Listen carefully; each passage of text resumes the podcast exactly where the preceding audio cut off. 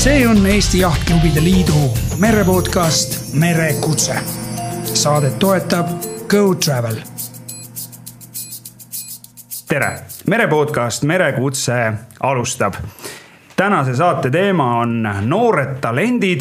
meie saatele annab hoogu Go Travel ja saate on ellu kutsunud Eesti Jahtklubide Liit. mina olen saatejuht Kaider Kahar, aga mul on täna hea meel võimalus tere öelda meie tulevikustaaridele.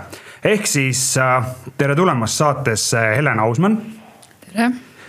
tere, Ranar Roolaht, ma loodan, et ma ütlesin su nime õigesti. Renar Roolaht. Renar, näed juba esimene viga aga Romi Saafin, ma loodan, et sinu nimega sai kõik õigesti. kõik on õigesti. nimed ja eksimused, loodan, et annate, annate mulle andeks, aga räägime asja tuumast. esimene küsimus meie saates on äh, see ehk siis äh, kuidas sina, Helen, üldse sattusid esimest korda purjetamise juurde Vete valda? no see oli juba suhteliselt ammu aega tagasi, kuskil sihuke kaks tuhat üheksa, et kuna mul isa, isa tegeleb või noh, on tegelenud kogu elu äh, purjetamisega ja siiamaani tegeleb, on seal juures, siis, siis tema mind sinna optimisti peale pani ja seal Pirita lükkas ja nii, nii, nii ta läks, siin ma olen nüüd. mul on väga hea meel, kui vana sa olid sellel hetkel, kas sa mäletad? ma arvan, et ma olin mingi seitse-kaheksa, pigem kaheksa, ma arvan, et oli sihuke esimese klassi suvi äkki või midagi sellist. ja hakkas meeldima ja jäidki käima? ma ei mäleta, ma tean, et ma sain poomiga vastu pead, võib-olla sellepärast ma ei mäletagi, aga, aga jäi meeldima, tundub jah. Renar, milline sinu algus oli? No ma käisin ikka enne kõigepealt ujumises ja jalgpallis ja ma arvan, et ma olin äh, umbes äh, kolmeteist-neljateist aastane ja mul oligi äh, naabripoidi, naabripoisi isa siis tegeles purjelaua sõitmisega ja siis sealt suunas ka meid edasi ja siis hakkasingi trennis käima ja mul hakkas kohe meeldima, kuna oli niisugune väljakutsuv ja põnev. Romi, kuidas sinu jaoks see algus oli? Kui ma väike olin, siis ma tegelesin tegelikult hästi palju erinevate spordialadega, et mul olidki iluvõimlemine, ujumine, jooksmine, kergejõustikud. olid äh, kõik enne purjetamist, aga lõpus ma arvan, ma jõudsingi purjetamise juurde nii, et isa otsustas osta sõpradega koos Rootsist jahi ja niimoodi pandi kõigepealt mu suurem õde purjetama ja noh, loomulikult, kui õde ees juba purjetab, siis pandi ka väiksem õde ka loomulikult järgi ja mul oligi jah, esimene aasta alustasingi Noblessneris. sealt olid minu kogemused nii-öelda no üks asi, mis on praegu jäänud saladuseks, on see, et kes te olete ja mismoodi purjetamist te üldse harrastate, nii et Helen Ausmann on äh, Forty Niner FX. Äh, Renar Roolaht on IQ Foil ja Romi Saafin on võib-olla siis äh, laiemalt tuntud Tumm, Ilka Kuus, aga olge nii kenad ja rääkige natukene see oma lugu, et Helen, kuidas üldse, mis asi kõigepealt on Forty Niner FX, Forty Niner, see nimi on meile tuttav, aga mis see FX selle juures tähendab ja üldse, mis paat see on ja, ja kuidas sina selle juurde üldse sattusid? Äh, no Forty Niner FX-is on, noh, kui Forty Ninerit juba teatakse, siis ta on selline nii-öelda jah skif, skif tüüpi siis äh, kahe, kahe inimese paat. et äh, mina olen seal peal soodimees ja, ja ta on siis nii-öelda alguses, kui tuli see kahepaat äh, Fortinaire juba suht pikalt olümpial ja siis mingi hetk see kaks tuhat kuusteist äkki siis tehti see nii-öelda naiste, naisteklassi juurde, et see Fortinaire on siis meeste oma. ja FX on siis natukene väiksema taglasega siis nii-öelda naistepaat. ja mina sattusin sinna peale, kuna tahtsin, tahtsin sinna nii-öelda olümpia, olümpia suunas liikuda. siis, siis see oli nii-öelda nagu ainus lahendus minu jaoks või võimalus, et kuna ma olen väga tulihingeline kahe, kahe mehe paadisõitja eh, ja mulle meeldib nagu olla sellises meeskonnas, eh, siis, siis, siis see oli nagu nii-öelda ainuke võimalus hetkel või noh, nii-öelda siis sellel hetkel aga mis sellele eelnes, mis su sellised eelnevad, kuidas kasvatakse sinna Forty Niner FX-i peale? Eh, no Eestis on üldiselt niimoodi, et eh, noh, sul on erinevad nii-öelda teed, on ju, et alustavad kõik ikka optimisti peal, see on nagu igal pool maailmas samamoodi enam-vähem. ja siis sealt edasi lähebki, kas siis lähed Zoom'i peale, lähed laseri peale või siis hakkad sealt kõrvalt vaikselt Feva sõitma ja mina hakkasin tegelikult juba optimisti kõrval seda siis RS Feva sõitma.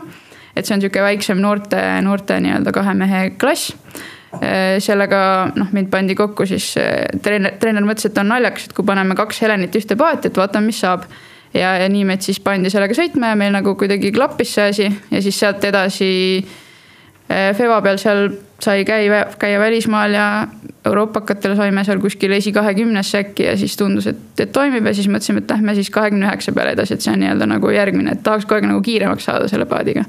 Ja siis eh, kakskümmend üheksa on nii-öelda kiirem natuke ja siis sealt edasi siis tundus, et kui see jäi väikseks ja ei mahtunud enam ära sinna kahekesi, siis, siis läksime nii-öelda FX-i peale, mis on siis veel kiirem paat no see kõlab, kõlab kõik väga, väga kihvtilt ja kuidas sul, Renar, see liikumine oli?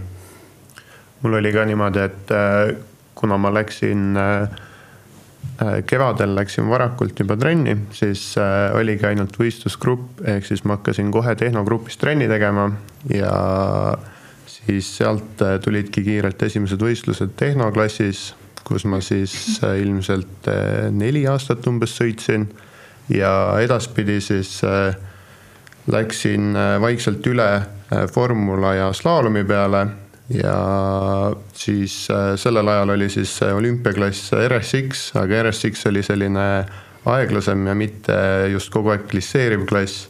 et see mulle huvi ei pakkunud ja nüüd järgmisest aastast ongi see IQ foil nii-öelda siis olümpiaklass ja selleks ma otsustasingi klassi vahetada ja IQ foili hakata sõitma aga jah, IQ Foil on siis selline äh, põnev, uus, sest ta on siis nagu foiliv klass, et kiirused on suuremad ja, ja kõik toimib, toimub nagu siis kiiremini, põnevam.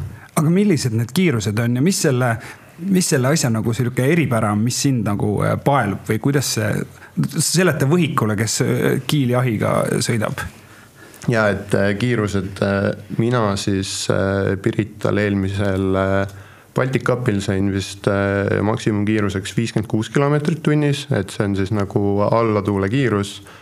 Äh, vastutuult lähme niimoodi kolmkümmend kuni kolmkümmend kaheksa kilomeetrit umbes tunnis ja et äh, mis ta siis erineb, ongi see, et umbes kaheksa noti pealt saame me siis foilima ja siis ongi foiliv klass ja tänu sellele seda takistust on nii palju vähem ja kõik kiirused on nii palju suuremad, et selles suhtes äh, see teeb tast nii-öelda erilise klassi just. Äh, Romi, kui sa nüüd enda või sa kuulad seda juttu, et siin on kasvatud sellele klassi juurde, kuidas sina Ilka kuueni jõudsid, et sa oled ju ka flirtinud, nii palju kui ma tean sind erinevate paatidega, sa oled sõitnud ka kahe, kahe tüdruku paati, eks ju? Mm, ja ma olen tõesti väga palju erinevaid paate proovinud alustasin ka samamoodi Optimistist, sõitsin seda üpriski pikalt tegelikult.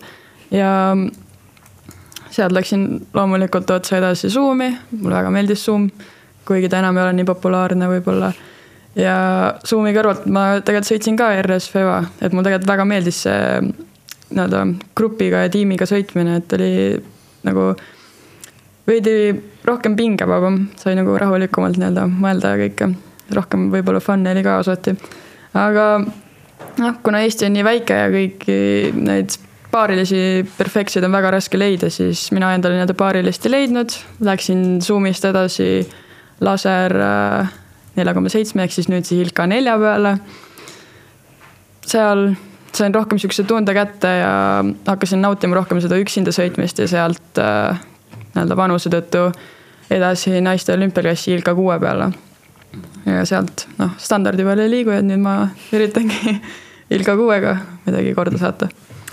Teid kõiki ühendab see, et te olete, sõidate olümpiaklassi, eks ju et äh, natuke avage mulle, kuidas see ambitsioon, et ma tahan olla olümpiasportlane ühel päeval. minu iga trenn on samm olümpiale lähemale, et kuidas see mõte nagu üldse nagu peas käima hakkab, et, et kus see otsus äh, sünnib, kas see on nagu enda, enda mõte või on seal keegi nagu keegi, kes push ib või lükkab tagant või, või kuidas see käib, avage natukene seda, äh, seda maailma. Mm, no eks see tõenäoliselt igaühe jaoks on see nii-öelda erinev, mis see, mis see nii-öelda sütitab seda, aga noh, võib-olla ma ei teagi, kust mul see nagu tunne on tulnud, et ma nagu tahaks sinnapoole liikuda, aga kuidagi see tundub nagu noh, minu arust üleüldiselt igal pool nagu neid olümpiasportlasi suhtes nagu väga nagu ülistatakse, nad on nagu väga suured eeskujud ja nad nagu noh, teevad mingeid selliseid asju, mida nagu tavainimene võib-olla ei tee või nagu noh, see nagu see nii-öelda noh, jäägitu pühendumus ja kõik see nagu mind nagu väga paelub selles suhtes. et võib-olla siis see, et noh, et mis see nagu piir on, et kui ma panen kõik oma energia mingisse ühte asja et mis siis, mis see minu piir on või kuhu ma siis lõpuks sellega jõuan, et seda nagu noh, saada teada või see on nagu see äge minu jaoks kuidas sul oli või on? Äh, ma arvan, äh, mul kuidagi tuleb see sealt, et äh, kuna niikuinii armastad seda sporti ja nagu meeldib ja teed seda kogu hingega, siis see olümpia on pigem niisugune kõige suurem võistlus ja selline eesmärk, mis sul saab ikka olla, et siis pigem tuleb sealt, et tahad seal käia ja sinna, sinna jõuda. kuidas sul on? ma arvan, et minul on väga palju see tahe tulnud võib-olla iseloomust, sellepärast et kui ma võib-olla väike olin, siis ma olin väga võistlushimuline. mul väga meeldis joosta ja kui ma ei võitnud, siis ma treenisin ikka selleks, et võita ja et kunagi ei olnud teine koht piisavalt hea ja et ja nüüd, kui noh, mida suuremaks kasvad, seda suuremaks tundub, et kõigepealt tahaks saada Eesti meistriks, tahaks võita selle võistluse ära ja nüüd tundubki, et kui sa juba saad nagu natuke maista neid äh, suurema klassi võistlusi, siis tekibki see tahe, et, et mõtle, kui mõtle, mis, mis tasemega sõitja sa ikka oled, kui sa nii suure võistluse ära võidaks, et see tahe nagu ennast tõestada ja nagu proovile panna on väga suur. see on väga tore, et te kõik noogutate ja saate aru äh, sellest keelest, et see on sama. Äh, mitmekordsed Eesti meistrid te olete muide, lihtsalt küsin vahele, sina oled umbes täpselt, sa tead? nelja neljakordne, mitmekordne Eesti meister? mina ei tea peast, paar tükki on ja kuidas sul on? mul on sama seis, et äh, kuidagi iga kord klass vahetus ja siis tulid nagu uue klassi ja uue vanuse Eesti meistritiitlid peale ja eks neid on palju kogunenud ja. No mind eristab teist see, et mina olen osalenud Eesti meistrivõistlustel mõned korrad ja mitte kunagi ei ole tulnud ma Eesti meistriks ja pigem äh, ka mitte poodiumile. ja isegi mitte kuue hulka aga ma olen olnud entusiastlik, äh, sest minu äh, huvi purjetamise juures on olla kirglik harrastaja ja teid küsitleda. Öelge, kuidas te vaatate, kui te vaatate seda purjetamisilma, millest te sõidate, siis kes on need iidolid või, või keda, kelle, kelle poole alt üles vaatate, et pagan, vot see tiim on üliäge.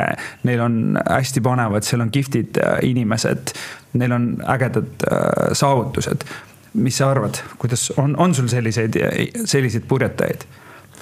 võib-olla siis äh, nagu need suuremad tiimid, et kui välisvõistlustel käia, et siis äh, Eestis võib-olla see tiim ei ole nii suur ja see seltskond ei ole nagu kindlasti meil on väga äge, aga just selles mõttes, et kui meie käisime siin neljakesi võistlustel, siis äh, nüüd selles Hollandis siis äh, võib-olla suuremad äh, tiimid, et neil on viis-kuus sõitjat ja võib-olla see tiimi selline vibe ja hing on kindlasti suurem, et võib-olla selle poolest siis äh, vaataks just üles nendele suurematele riikidele ja kindlasti neil on tänu sellele ka tase suurem, et äh, kuna kõik koos surutakse ja proovitakse olla teistest paremad, et siis äh, annab kindlasti tulemusele ka juurde.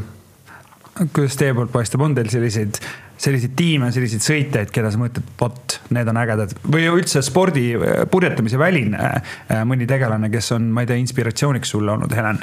no minu arust kõik need nii-öelda ükskõik mis siis purjetamisklass või, või mis iganes, kõik need, kes need tipud on ja kes on noh, näed, et ikka nagu nii-öelda päevase edumaaga juba võidavad võistluseid ära, et neid, nende alati vaatad, et kuidas, mis sa tegid nagu, et tegelikult nii äge ja tegelikult sa näed hästi palju praegu ka noh, jagatakse sotsiaalmeedias ja kuidas see teekond on ja kõik sa näed seda nagu pühendumust. et meil seal noh MM-il oli väga, väga äge, äge oli vaadata neid rootslasi, kes ikka nagu sa näed, et nad on noh, põhimõtteliselt terve märgivahega on nagu kogust fliidist ees, aga see fliit on maailma parimad sõitjad ja siis sa mõtledki, et aga kuidas nad siis nendest nii palju ees saavad olla.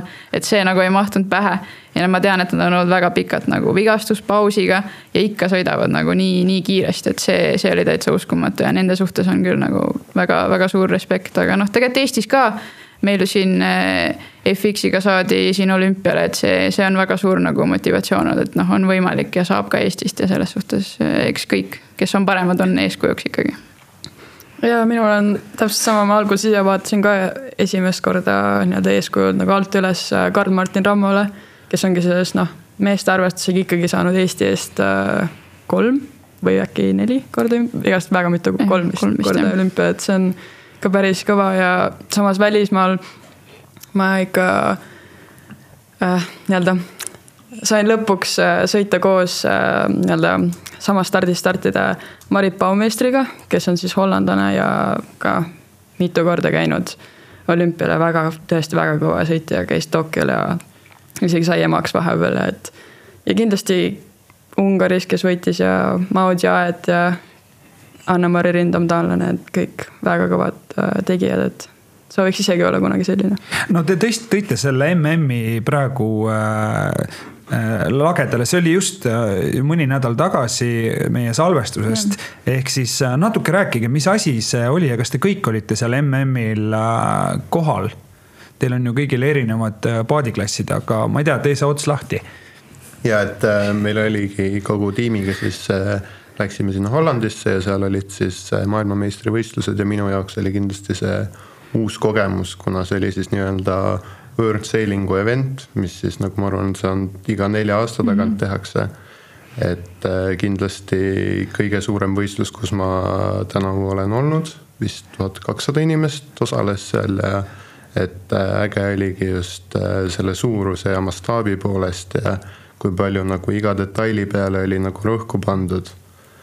Et äh, kõik asi oli nagu algusest lõpuni ära korraldatud ja sportlaste eest siis nii-öelda väga oli hoolitsetud.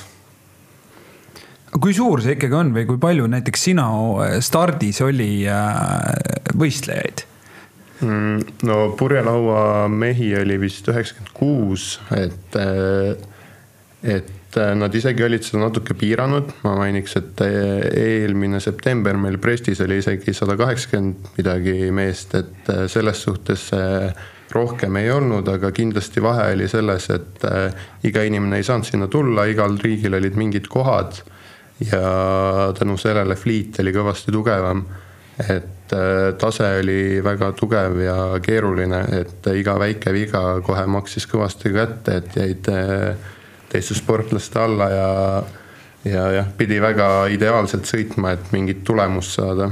ma saan aru, et olud olid üsna teile foilijatele üsna keerulised, et tuul oli vaikne ja te ei saanud oma laudu lendama. ja et oligi, tegelikult oli nagu piisavalt tuult, aga see oli täpselt nii piiripealselt, et äh, kui meil siis nii-öelda, meil tehakse siis vaiksema tuulega tehakse sprintslaalomit, mis on siis äh, külgtuule ja allatuule rada et vastutuult me ei saa väga hästi sõita. ja siis äh, ongi, et kui äh, sul on nii minimaalselt tuult ja siis äh, see grupp on ka veel suur, siis tihtipeale või noh, mul vähemalt juhtus seda, et ei saagi käima või kui saad, siis hävid põõrdega ja ja kukud nagu foili pealt maha ehk, ehk kergelt on nagu võimalik terve sõit täiesti ära rikkuda et see oli kindlasti keeruline ja niisugused väga äärmuslikud tingimused kindlasti. et see hoovus ja vaikne tuul, mis siis keerutas ja, ja käis üles-alla siis no kuidas sul läks, mis sul oli siis maailm, ma saan aru, et maailma eliit oli kohal, et seal olid nagu äh, kõik tipud. et kuidas sul esimene võistlus täiskasvanuna siis selles konkurentsis läks, mis su parim sõit oli? Eks, äh, eks mul parim sõit tuli vist teisel päeval, et siis ma olin ühes slaalomisõidus olin kuues, ei viies ja siis äh, kolmandal päeval olin kuues, aga eks, äh, eks oligi keeruline oli neid häid tulemusi saada, kuna pidi kõik jube ideaalselt tegema, et mul tihtipeale stardis rikkusin midagi ära, jäin fliidi alla ja siis pinguta, mis sa pingutad, aga ega sa sealt etteotsa tagasi ei jõua ja jah, et siis äh, parimad sõidud olidki kuues ja viies siis äh, slaalomisõitudes no,. see on väga-väga äge, kuidas teie vaates oli, et ikkagi nagu, mis, mis see, mis seal teie osas toimus? Äh, noh, meie osas võib-olla siis meil oli just kindlasti natuke lihtsam kui, kui Ilkadel selle hoovusega seal võidelda. aga jah, see hoovus oli selles suhtes väga-väga nagu suur eripära et äh, stardis ja mis iganes, et kui ta on sul näiteks tagant, siis ta ikkagi lükkab sind nagu üle ja sa võid jääda sinna täitsa kinni ja ei saagi minema. Äh, või siis, või siis samamoodi, et näiteks sõidad hästi kaua vastuhoovust jälle, mis, mis on jälle huvitav nagu. aga jah, selles suhtes äh, me olime teinud enne laagri alla Belgias täpselt selle mõttega, et seal on samasugune hoovus, et me olime nagu sellega arvestanud ja ma arvan, et see see oli üks meie eelistest kindlasti, et seal oli näha, et teised, kes olid mujal Euroopas trenni teinud, et neil oli nagu veel keerulisem, et seal küll, kuna meil on kiired paadid, siis kui sa valesti teed, siis sa paned ikka kuskile märki otsa või teisele otsa või mis iganes, et seal neid kinnijäämisi ja õnnetusi oli ikka, ikka omajagu, kes seal sõitsid puruks üksteist natukene ja ja nii et tükid lendasid vahepeal, aga muidu jah, me ka seal suutsime viimasel päeval väga rahul olime oma selle viimase sõiduga, kus me seal suutsime, suutsime ennast neljandaks sõita. Aga üldiselt ka jah, nagu siin äh, rääkis äh, Folli, Folli tüüp, et, äh, et see startimine on keeruline, et kui sa seal jääd maha nendest parimatest, siis ega sa neile enam nii lihtsasti järgi ei sõida.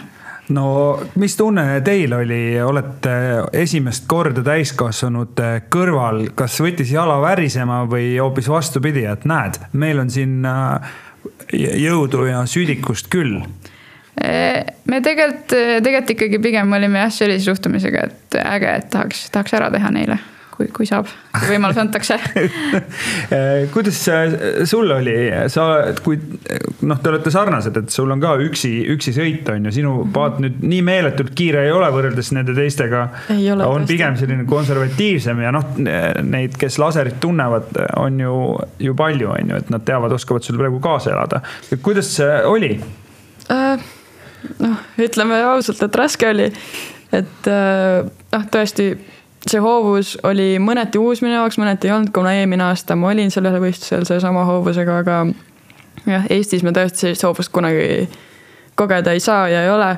et äh, sellega oli päris palju, ütleme nii, et see ajas veidike närvi ja ärevaks, isegi siis, kui sa lähed, mõtled, oh, täpselt lähen märki välja, aga ilmselgelt ei lähe, triivid viis meetrit allapoole jõuminutiga.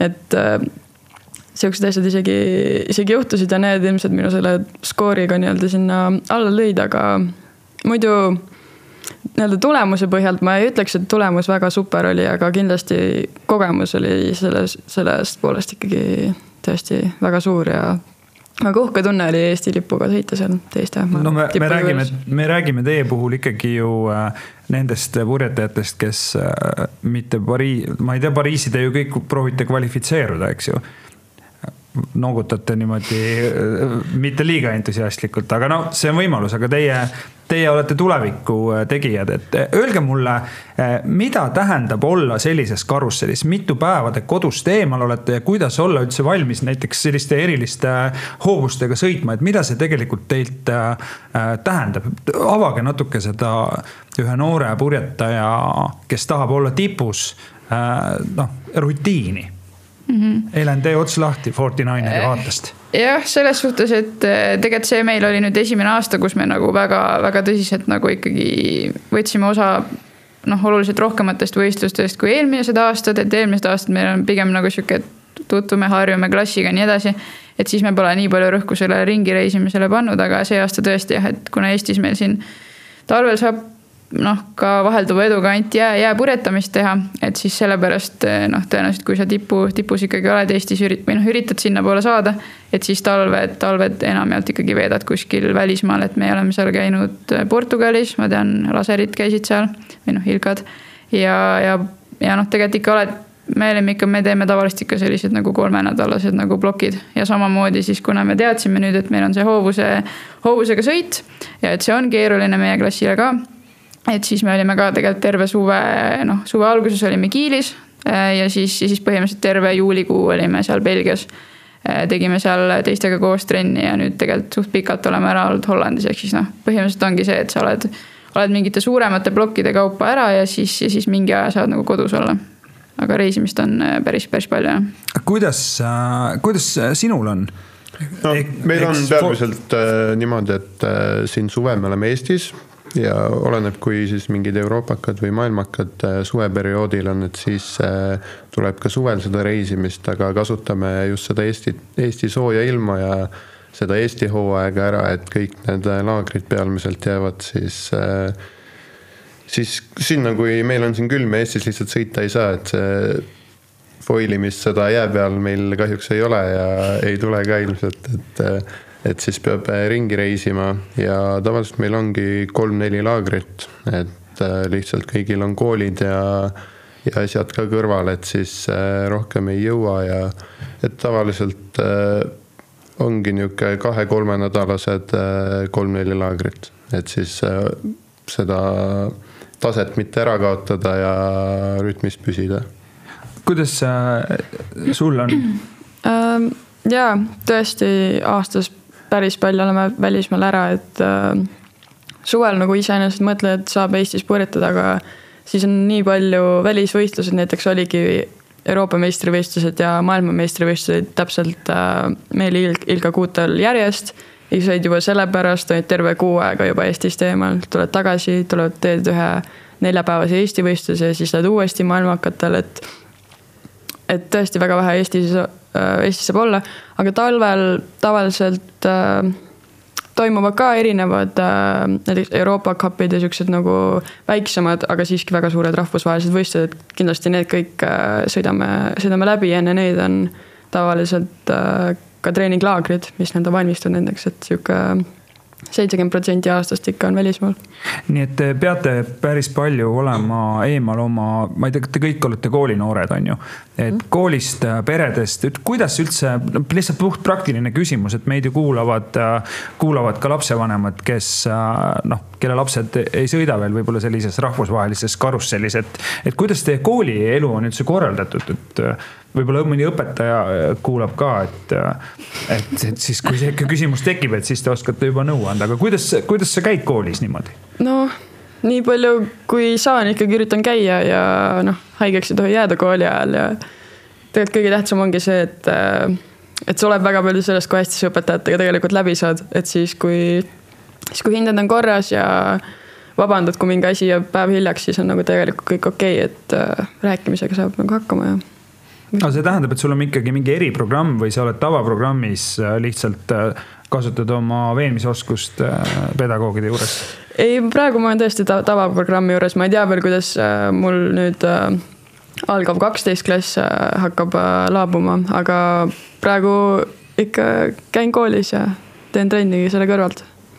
kuidas teil on korraldatud kooli ja spordielu? No mina ka ikkagi siiani olen käinud nagu täis, täiskoormusel koolis purjetamise kõrvalt, aga võib-olla siis jah, ma jätkaks seda mõtet, et kui sa tõesti koolis äh, pingutad ja sellel ajal, kui sa nii-öelda oled koolis, teed hästi oma asjad ära ja õpetaja seda näeb, siis tegelikult tegelikult annab suht hästi rääkida ja üldiselt õpetajad suhtuvad sportlastele, sportlastesse suht hästi, sest nad näevad, et sportlane tegelikult teab, et kui tal on trenn, siis ta peab oma kooli asjad ära tegema mm. -hmm. ja siis on nagu näha hästi tegelikult, et isegi kui sul on palju asju teha, siis sa teed ikkagi oma asjad ära. Et selles suhtes kooli mõttes on nagu kergem jah Ragnar, kuidas sul on? Renar, vabandust. ei ole hullu jah, ei, aga ma käin ülikoolis, ehk siis äh, mul on see, et äh, peab plaanima kuidagi niimoodi, et need äh, võistlused ja laagrid ei jääks just sessi aja peale. et siis on enam-vähem okei okay. ja teine asi on see, et just siis, kui nagu kodus oled ja koolis käid siin, siis täiega selle asja juures olla, sest tihtipeale laagris olles oled ikka nii väsinud õhtuti ja väga keeruline on seal nagu seda läpakat või kooliasja ette võtta, et äh, nõuab väga palju, et siis äh, tulebki see aeg, kui kodus oled, käia korralikult kohal ja võimalikult aktiivselt kõik äh, ära teha ja asjad ette ära teha, kui vaja ja et jah, mitte maha jääda kindlasti noh, kui teil on näiteks seesama, võtame laagri ette, see on väga huvitav. et kui teil on äh, laagri, äh, ütleme kahenädalane laager, siis ma kujutan ette, et igal päeval te olete veel mingisugune kaheksa tundi võib, võib see nii olla või mm? -hmm. või, või on äh, neli päris tundi? kaheksat me mehe peal ei ole, aga seal on need ettevalmistused, sadamasse minekud, kõik asjad, et ta tegelikult võtab suht terve päeva ära, jah. ja siis, kui sa õhtul lõpetad, siis sa oled, lihtsalt kukud voodisse. siis sa teed väikse uinaku ja siis hakkad kooli asju tegema see uinak on tegelikult väga, meil treener ütles, et minge magage, siis teil on parem olla. ja tegelikult see väga hästi toimib. nii, aga kui me vaatame teid ja maailma absoluutset tippu, et kui erinev see teie äh, selline ettevalmistus olümpiaks on, noh, kui me niimoodi võime öelda, või siis sinna karussellile lähemale minemise. või noh, üldse teie ettevalmistus võrreldes selle maailma tippudega, et mis see erinevus on? Välja arvatud, me oleme siin kohas, kus vahepeal on pime ja hästi külm ja oma vee peal ei saa sõita. ma ei tea, ma ütleksin, et kindlasti väga erinev on meie, meie treenimisest, et äh, nemad on siiski täiskohaga palga all treenivad sportlased, kes teevad seda, ma ei tea, kui mitte kuus, siis võib-olla seitse korda nädalas, et neil on kõik äh, spordipsühholoogid, füsioteraapiad, kõik asjad on äh, kalkuleeritud, meie üritame siit äh, matemaatika ja eesti keele kõrvalt seda teha, aga et kindlasti neil on väga palju professionaalsem see, aga noh, loodetavasti meil ka kunagi. kuidas, mis teile tundub, mis see põhiline vahe on mm,? no me ka üritame praegu sinnapoole liikuda, aga noh, hästi palju tehakse niimoodi, et noh, kuna see FX on igas riigis on noh, paar tükki on ju, et siis ja Eestis on näiteks noh, nii-öelda maailma tasemel teeme siis ainult meie, et siis noh, see, et keda, kuidas teistega koos sõita. et see võib-olla praegu on nagu suht suur vahe olnud võrreldes teiste riikidega, me praegu ka üritame nagu sinna lainele leida, et leiad mingi treeningpartneri ja saad sellega koos teha, et see annab hästi palju juurde. aga kuidas äh, foil imise mõttes on, et on sul kellegiga siin Eestis üldse võidu sõita või, äh, või ei ole? No nagu niimoodi äh, konkurendid või nagu sõita ja trenni ka saab koos teha, aga pigem on ka probleem see, et äh, fliit on nii palju väiksem, et me saamegi paari inimesega teha neid harjutusi koos. aga kui sa lähed sinna suurele võistlusele, siis äh, ongi nelikümmend inimest on korraga stardis ja see ikka on natuke teistmoodi, et vajab harjumist ja õppimist sellise fliidiga sõitmist, sõitmist siis jah. aga aga jah, siis, siis tulebki võimalikult palju ka nendel väiksematel äh, rahvusvahelistel võistlustel käia, mitte siis ainult Euroopa ja maailmameistrivõistlustel, et, et sealt saab äh, seda kogemust kindlasti juurde, mida siin Eestis just äh, ei ole ja siit ei saa. no aga vaatasime neid asju, mis meil võiks olla paremad, eks ju, või mis on meil see pidur, aga mis meil hästi on, mis on meil see, mis on nagu vau wow,, unikaalne peale selle, et meil on väga andekad äh, noored nagu teie? ma arvan, et see nii-öelda tahtejõud või nagu see, et, et ikkagi meil on mingisugused nagu eeskujud ees, kes Eestis tegelikult on saanud äh, olümpiale tegelikult. kui sa oled ka natukene nii-öelda kehvem teistest või sul on halvemad võimalused, mis tegelikult noh, nii ja naa Eestis ei, ei, ma ei ütleks, et isegi on halvad võimalused aga et eh, siis sa tegelikult pead rohkem tööd tegema ja sul tekib see nagu töö tegemise harjumus, et sa võib-olla ei muutu nagu laisaks ja sa tead, et sa pead nagu tegema kolm korda rohkem tööd. et sellest nii-öelda maailma tipust, kellele siis kõik on ette ja taha ära tehtud, peab tegema, on ju. et see, ma arvan, kindlasti on eelis, et sellega on võimalik nagu mööda, mööda töötada nendest nii-öelda talentidest või noh, nendest, kellel on nagu rohkem võimalusi suurriikides olete nõus? ja olen küll, ma Ilka Kuue põhjal võin kindlasti seda ka öelda, et äh, nii-öelda et noh, ma olen väga tänulik selle üle, et meil on äh, nüüd äh, Eesti tase väga palju tugevamaks läinud, et meil on siin esikolmes päris äh, tugevad sõitjad ja just naised. et, et see hoiab ennast nii-öelda natuke nii-öelda varvastel, et ei saa lõdvaks lasta, et peab ikkagi tegelikult pingutama Eestis ka veel, et see on tegelikult hea nii et kui sa Eestis lähed võistlema Eesti meistrivõistlused, mis olid just ka hiljuti, eks ju. kuidas läks, sai, tuli tiitel ära? ei, ei tulnud tiitel ära, mul läks ikka. noh, ei mitte nii, nagu ma plaanisin, aga jah. Teil olid ka Eesti meistrivõistlused, kõigil teil olid? Ehm, meie kahjuks jätsime vahele Eesti meistrivõistlused. aga kuidas? ja mul on septembris alles, aga võib-olla selle viimase selle peale ma lisaks, et äh, mul on kindlasti eelis see ka siin Eestis, et äh, mul treener ja Ingrid on äh, mitmel olümpial käinud, ehk siis nad on palju nagu selle suure fliidi ja selle tasemega sõitnud. Ingrid Pusta siis? ja just, mhm. et äh, me teeme koos trenni ja meil on sama treener, et siis äh, tänu sellele kindlasti see toetab mind, et mis siis aitab nagu edasi jõuda ja konkurentsis püsida. no see kõlab hästi nihuke ehk eestlaslikult, et me oleme jonnakad, me ajame oma, oma joru ja, ja me ühel hetkel lähme läbi betooni mm -hmm. ja jõuame sinna ikka, sinna kohale. Äh, öelge, ei saa, ütelge, kui palju teie edu sõltub äh, rahakoti paksusest ehk siis äh, raha on niisugune vastik teema, aga samas ilma selleta ka ei saa. et, et kuidas on no eks, eks ta, eks raha, raha on vaja jah, et reisida ja, ja ka ma arvan, et ka kindlasti on nagu võimalus leida erinevaid nagu lahendusi.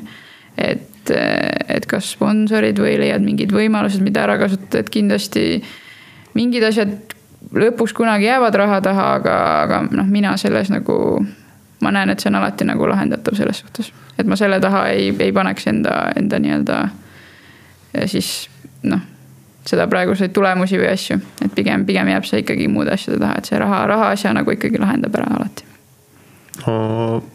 ma ütleks, et äh, mul ikkagi natuke jääb raha taha, et kui sa ikkagi äh, käid koolis äh, ja üritad seda tippsporti teha ja siis vahepeal pead tööl käima, et enda laagreid natuke toetada ja kõike seda, siis ikka natuke seda energiat kaob sinna peale ära ja ei jõua täiega nagu sinna panustada. ja et tase on ka täpselt selline, et päris nagu tippsportlane ei ole veel nagu palka selle eest ei saa, aga pead panustama sinna sama palju. et, et sinna jõuda ja nagu edasi areneda ja edasi liikuda, siis, siis on natuke keeruline küll. kuidas sul on seis äh,?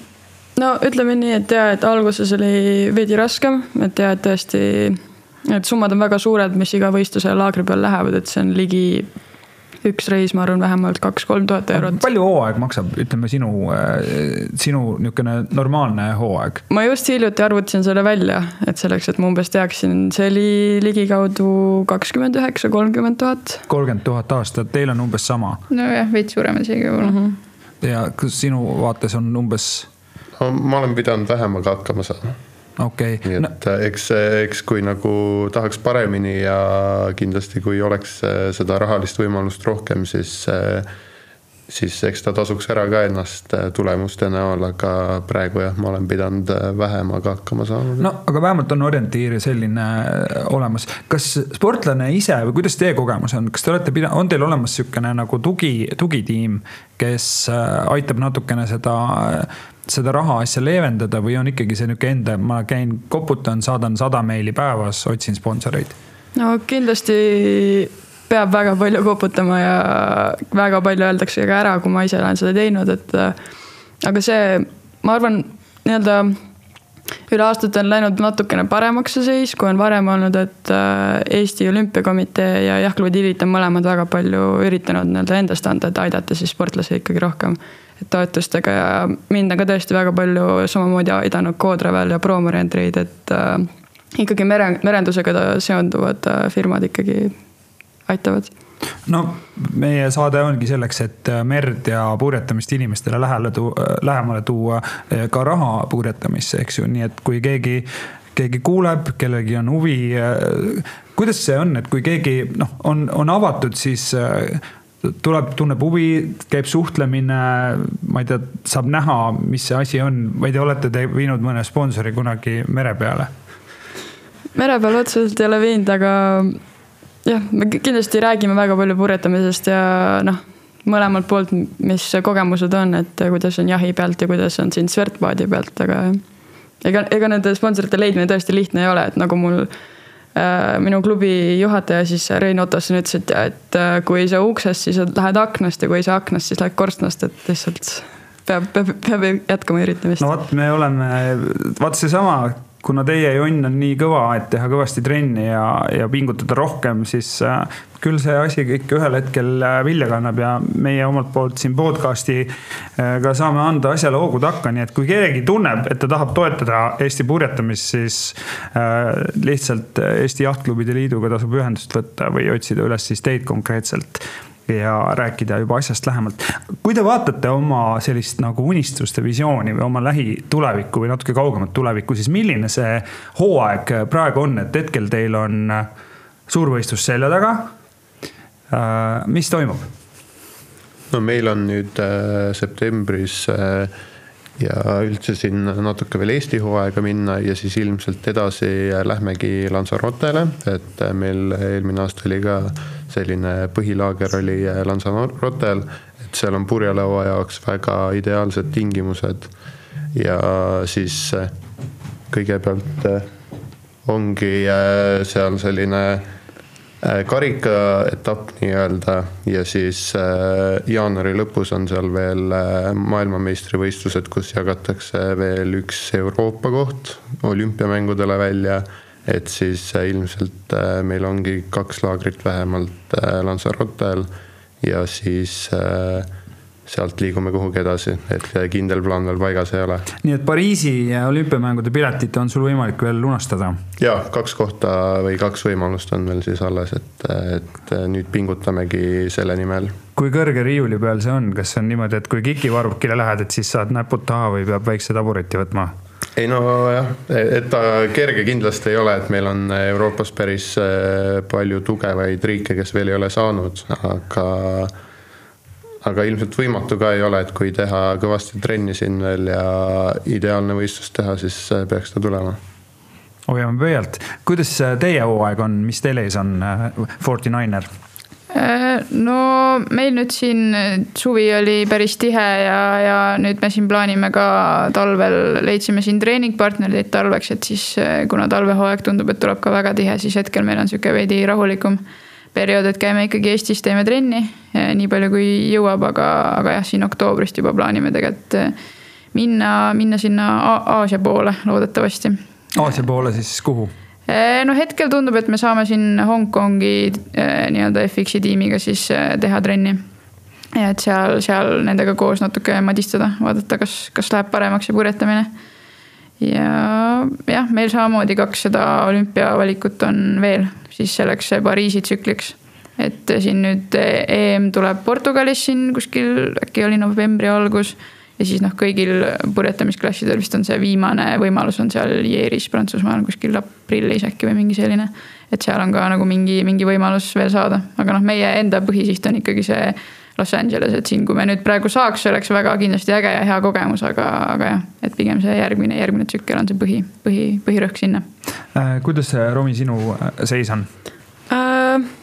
Nojah, just tulime maailmameistrivõistlustelt, kohe sinna otsa tulid äh, meil kahemeepaatidel ka Eesti meistrivõistlused, et äh, nüüd on äh, kaks pool nädalat umbes pausivõistlustega Eestis ja siis tuleb äh, Eesti karikasarja viimane etapp ja siis lendan juba Marokosse mm, under twenty one'i maailmameistrivõistlustele. ja peale seda üritaksin teha paar laagrit ja juba detsembris ootan väga huviga noorte maailmameistrivõistlused, see on põhimõtteliselt samas vormis nagu praegune võistlus meil Haagis oli, aga et noortele alla üheksateist aastase, et see toimub Brasiilias, et väga ootan sinna minna ja jaanuaris on meil ka see ähm, Argentiinas äh, antakse veel kaks olümpiakohta.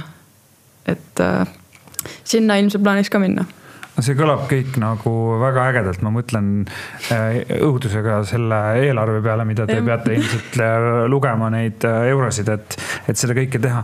aga öelge, kus näiteks, mul tekkis nüüd näiteks huvi, meie kuulajatel tekkis huvi, vaatajatel samamoodi, et kuidas ma saan teile ja teie siis paadiklassile kaasa elada, et millised need kohad on või võistlustele, et kuhu ma saan tulla vaatama näiteks teie Fordi Nineri FX võidusõitu no meil tegelikult eh, siin eh, Tallinna Jalgklubi on tekitanud väga hea võimaluse, et eh, meil on nüüd siin suve jooksul on päris mitu, meil on selline asi nagu Kakumäe GP, see on sihuke, täpselt ongi Forty Ninerite ja noh, kahe mehe Twenty Nineri jaoks ka siis mõeldud sihuke sari. et meil on noh, mingid laupäevad, mitte päris iga laupäev, aga noh, niimoodi mingi kuni seitse laupäeva siis suvest tegelikult Kakumäel ja me tegelikult sõidame seal päris kalda lähedal Kakumäe sadamas et seal, kes iganes tahab, tahab vaadata või mis iganes, et seal, see on nagu väga hea võimalus. ja samamoodi tegelikult noored ka, et kellel on huvi nagu proovida kätt, et kui meil seal jääb puudu soodimehi, roolimehi, keda iganes seal nagu paatide peal, et siis tegelikult, tegelikult väga on oodatud kõik, kõik, kes tahavad nagu proovida et.... kas see on läbi või on veel mõni võistlus siin sügishooajal ees? meil tegelikult siin vist äkki kolm etappi on veel. Nii et jõuab vaadata ja, küll ja küll. muidugi, muidugi. aga kellele sobib, äh, kui noh, lapsed tulevad, nad alustavad optimistiga, siis nad liiguvad Zoom kaheksasse mm, -hmm. siis mhm. kes kuhu, on ju. et äh, kellele see Forty Niner FX sobib? Minu poolest võiks igaüks sellega sõita, et see on nagu nii, nii äge, äge paat ja annab tegelikult nii palju kasvõi noh, üks asi on see purjetamine, aga teine asi, et ta annab nii palju muid nagu oskusi ja omadusi juurde, et sa ikkagi oled seal teise inimesega. see on see nii-öelda kiire paat, kõik sellised asjad, et see annab noh, kõik, kes selles suhtes, sa pead ikkagi olema, noh, sa pead kindlasti olema veits nagu vanem juba mingi purjetamiskogemuse all, on ju, teatud, meil on see sada kolmkümmend on see meeskonna kaal, on ju. aga noh, tegelikult saavad ka vaiksema tuulega sõita, sõita kergemad, et selles suhtes nagu seal nii palju nagu neid piire ei ole äh, kuidas teie foilijatel on siis need, kes lendavad äh, hästi kiiresti lainete peal? no nagu äh, pealtvaatajatele on natuke keeruline, kuna kiirused on suurem ja siis äh, rada on ka suur, ehk siis äh, väga lähedale nagu kaldale on keeruline seda rada panna. Et äh, selles suhtes kaldalt vaadata on natuke halb, et isegi binokliga ei pruugi aru saada, mis seal toimub või kuidas. et äh, parim viis olekski siis kaatriga tulla või või niimoodi kuskilt sealt stardialast jälgida, et Eestis neid võistlusi nagu üle ka ei kanta, et siis, äh, siis fännidele on natuke keeruline. Aga mingi mõni hea Youtube'i kanal näiteks või tasub guugeldada seda IQ Foili, et. ja et selles suhtes, et võistlustelt, võistlustest ja kõigist nendest äh, sellistest suurematest üritustest tehakse kindlasti nagu videod ja kokkuvõtted, et iga päeva kohta ja iga võistluse kohta, et et esiteks äh, need on hästi tehtud ja on põnev vaadata ka. see on ikka super kiire, kui sa sõidad viiekümne, viiekümnega noh. nojah, eks ta ole äge ja kui seal drooniga need klipid on tehtud, siis äh, meri on ka sinine ja päike paistab, siis äh, päris äge on vaadata neid. Äh, teie, kas te vahel tunnete ka, et tahaks kiivri pähe panna seda purjetamist purjetades? meie sõidame ikka kiivriga, kui on tugevam tuul, et eh, väga tahaks jah, tõesti võiks mingi pehmendus veel olla igaks juhuks. ja, ja mul on üldse, ma ei tohigi ilma kiivrita sõita, et mul on klassireeglitesse sisse kirjutatud, et, et mul peab kiiver peas olema ja siis ma kasutan veel eh, sellist pauguvesti, mis siis eh, summutab nii-öelda, kui ma kukun või midagi. aga okay. jah, et, et ikka tervi- või midagi ei juhtuks ikka, et äh, eks need kukkumised teevad haiget küll. see on äh, julm, julm sport, ma kujutan ette, see kiirus on äh, täiesti metsik, kes tahab seda kogeda, võib proovida jääpurjetamist, et kas see annab jääpurje, jääpurjetamine on muidugi veel kiirem. ja veel valusam on kukkuda. jah, kuidas sinul on? ei, meil kiivreid ei ole selles mõttes, meil on nokamets ja noh, pead ise poomi jälgima, aga muidu pealtvaatajatele enamusi jah, me oleme ka, rajad on tõesti väga kaugel tavaliselt. Ja siis, kui on suuremad võistlused, näiteks Euroopa meistrivõistlused ja maailma meistrivõistlused, siis EUR, Ilka ja Ilka lehel on tavaliselt äh, viimastel päevadel antakse ka kuldgruppidele tracker'id peale, et siis saab tracker itest vaadata, et ma tean, seal pidi päris põnev olema, et tavaliselt kõik sõbrad ja vanemad vaatavad sealt, et jah, et miks sa seal sihukese asja tegid et et jah, et nende pealt näeb päris hästi tegelikult no te olete, ma arvan, kõik ikkagi väga kuulsad selles purjetamisseltskonnas, et vaadatakse teile niimoodi ootusega ja jahtklubides vaikselt hoitakse pöialt, et millal tuleb see sähvatus, niisugune korralik. kas teil on fännidega ka juba mingisugune, on teil niisugune Facebooki grupid, kus fännid kogunevad, noored purjetajad, noh, ma just mõtlen need lapsed, eks ju. ja noh, võib-olla vana, vana, vanainimesed ka, eks ju, lapsevanemate sõbrad ja kui palju teil on seda fännidega suhtlemist? Äh, no meil on näiteks äh, Sailing Team koroona all on meil Instagram ja Facebook, kus me siis üritame nagu näidata, et mis me, mis me seal korraldame, mis me seal teeme, et mõte sai alguse sellest, et noh, vanaema ja vanaisad tahavad ka näha, mis me teeme. aga tegelikult sinna natuke jälgijaid on kogunenud ja, ja tegelikult ela, elatakse päris palju kaasa meil on, eks kõigil on nagu eraldi ka Instagramid ja asjad, aga pealmiselt me teeme, tegime just eelmine aasta endale sellise IQ Foil Team Estonia page'i, et pealmiselt postitame sinna jooksvalt siis võistlustest ja trennidest ja asjadest. aga eks enda Instagrami ka, et mingid ägedamad pildid või videod või kui midagi võistlustest eh, saab. Ehm, jah, Ilkadel väga sihukeseid gruppe kahjuks ei ole, et kõik on jah, nii-öelda natuke enda eest ja eestlased on siuksed natuke tagasihoidlikud selle kiitmisega. et aga, et äh, päriselus ikka inimesed tulevad vahepeal ja patsutavad õlale, et seda on tõesti väga tore tore näha. aga kas sul on oma mingisugune Instagram või Facebooki sihukene fanpage, kus inimesed saavad vaadata, mis, mis sa täpselt oled korda saatnud ja kas sa, ma ei tea, teed mingeid videosi või midagi sihukest? ei, ma, eks ma enda Instagramis ja Facebookis enda omaenda nime alt üritan ikkagi seda purjetamise content'i nii-öelda näidata inimestele, et Facebookis jah, ma üritangi ka jah, vana, vanavanematele ja täiskasvanud rohkem inimestele enda neid äh, tulemusi ja asju jagada, et äh, otseselt sihukest lehekülge ei ole, aga enda nime alt jah, Facebookis ikka pigem no mis on teie unistused, ma tahaks seda kohe teada ja lihtsalt siia salvestada, sest ma olen väga suur Eesti purjetamise fänn. millal tuleb see purakas ja kus koha pealt sul äh,, Romi? No ma loodan, et nii vara kui võimalik, aga aga jah, minu, minu äh, suund oleks ka pigem ka, et äh, Los Angeles kaks tuhat kakskümmend kaheksa, et see kaks tuhat kakskümmend neli oleks tore, aga jah, see oleks liiga vara ja ilmselt äh, ei oskaks seda nii hästi veel hinnata, et ma arvan, et kui ma siin kolm-neli aastat veel teed, siis äh, üritaks sinna saada pigem. see on ikka eht, eht eestlastlik, et ma pean ikka tööd tegema, enne kui no, see tulemus väga tuleb. palju ikka äh, kuidas see Helen, juba oli põgusalt juttu samamoodi Los Angeles? jah, ja et tahaks sinna, sinna maailma esikümnesse kuidagi, kuidagi saada, et meil on need äh, nii-öelda see medal race'i formaat, et iga võistluse lõpus on see nii-öelda esimesed kümme saavad seal madistada, et kui sinna, sinna nagu saaks, siis see oleks juba väga suur nii-öelda nagu boonus. kuidas sinul on? Nojah, eks, eks Pariis ole natuke keeruline ikka, aga ma ikkagi, see on nii-öelda unistus siis, et äh, ikkagi sinna kohta saada, et äh, peab tööd tegema ja proovima. Äh, mul on väga hea meel, et te leidsite mahti siin meie stuudiosse tulla ja oma tegemistest rääkida ja siis omalt poolt ma lisan, et äh, kellel asja vastu huvi, nii äh, Ilka Kuue, nii Forty Niner FX-i kui ka IQ Foili kohta või, või noh, neid formaate on tegelikult ju väga palju erinevaid, et mm. -hmm et aga need on siis olümpiaklassid, et hoidke meie olümpialootustel silma peal, tulge vaadake võistlusi, tulge ajage juttu uurige, mis see on. Ja, ja ma usun, et, et fänne tuleb juurde veel ka kasvõi pärast tänast saadet, et, et guugeldage, vaadake ja, ja merel näeme. mul on hea meel, et te kuulasite, see oli äh, merepodcast Merekutse ja stuudios oli Helen Ausmann. äh, Renar Roolaht ja Romi Saafin, mina olen saatejuht Kaider Kahar. saadet toetab Go Travel. merel näeme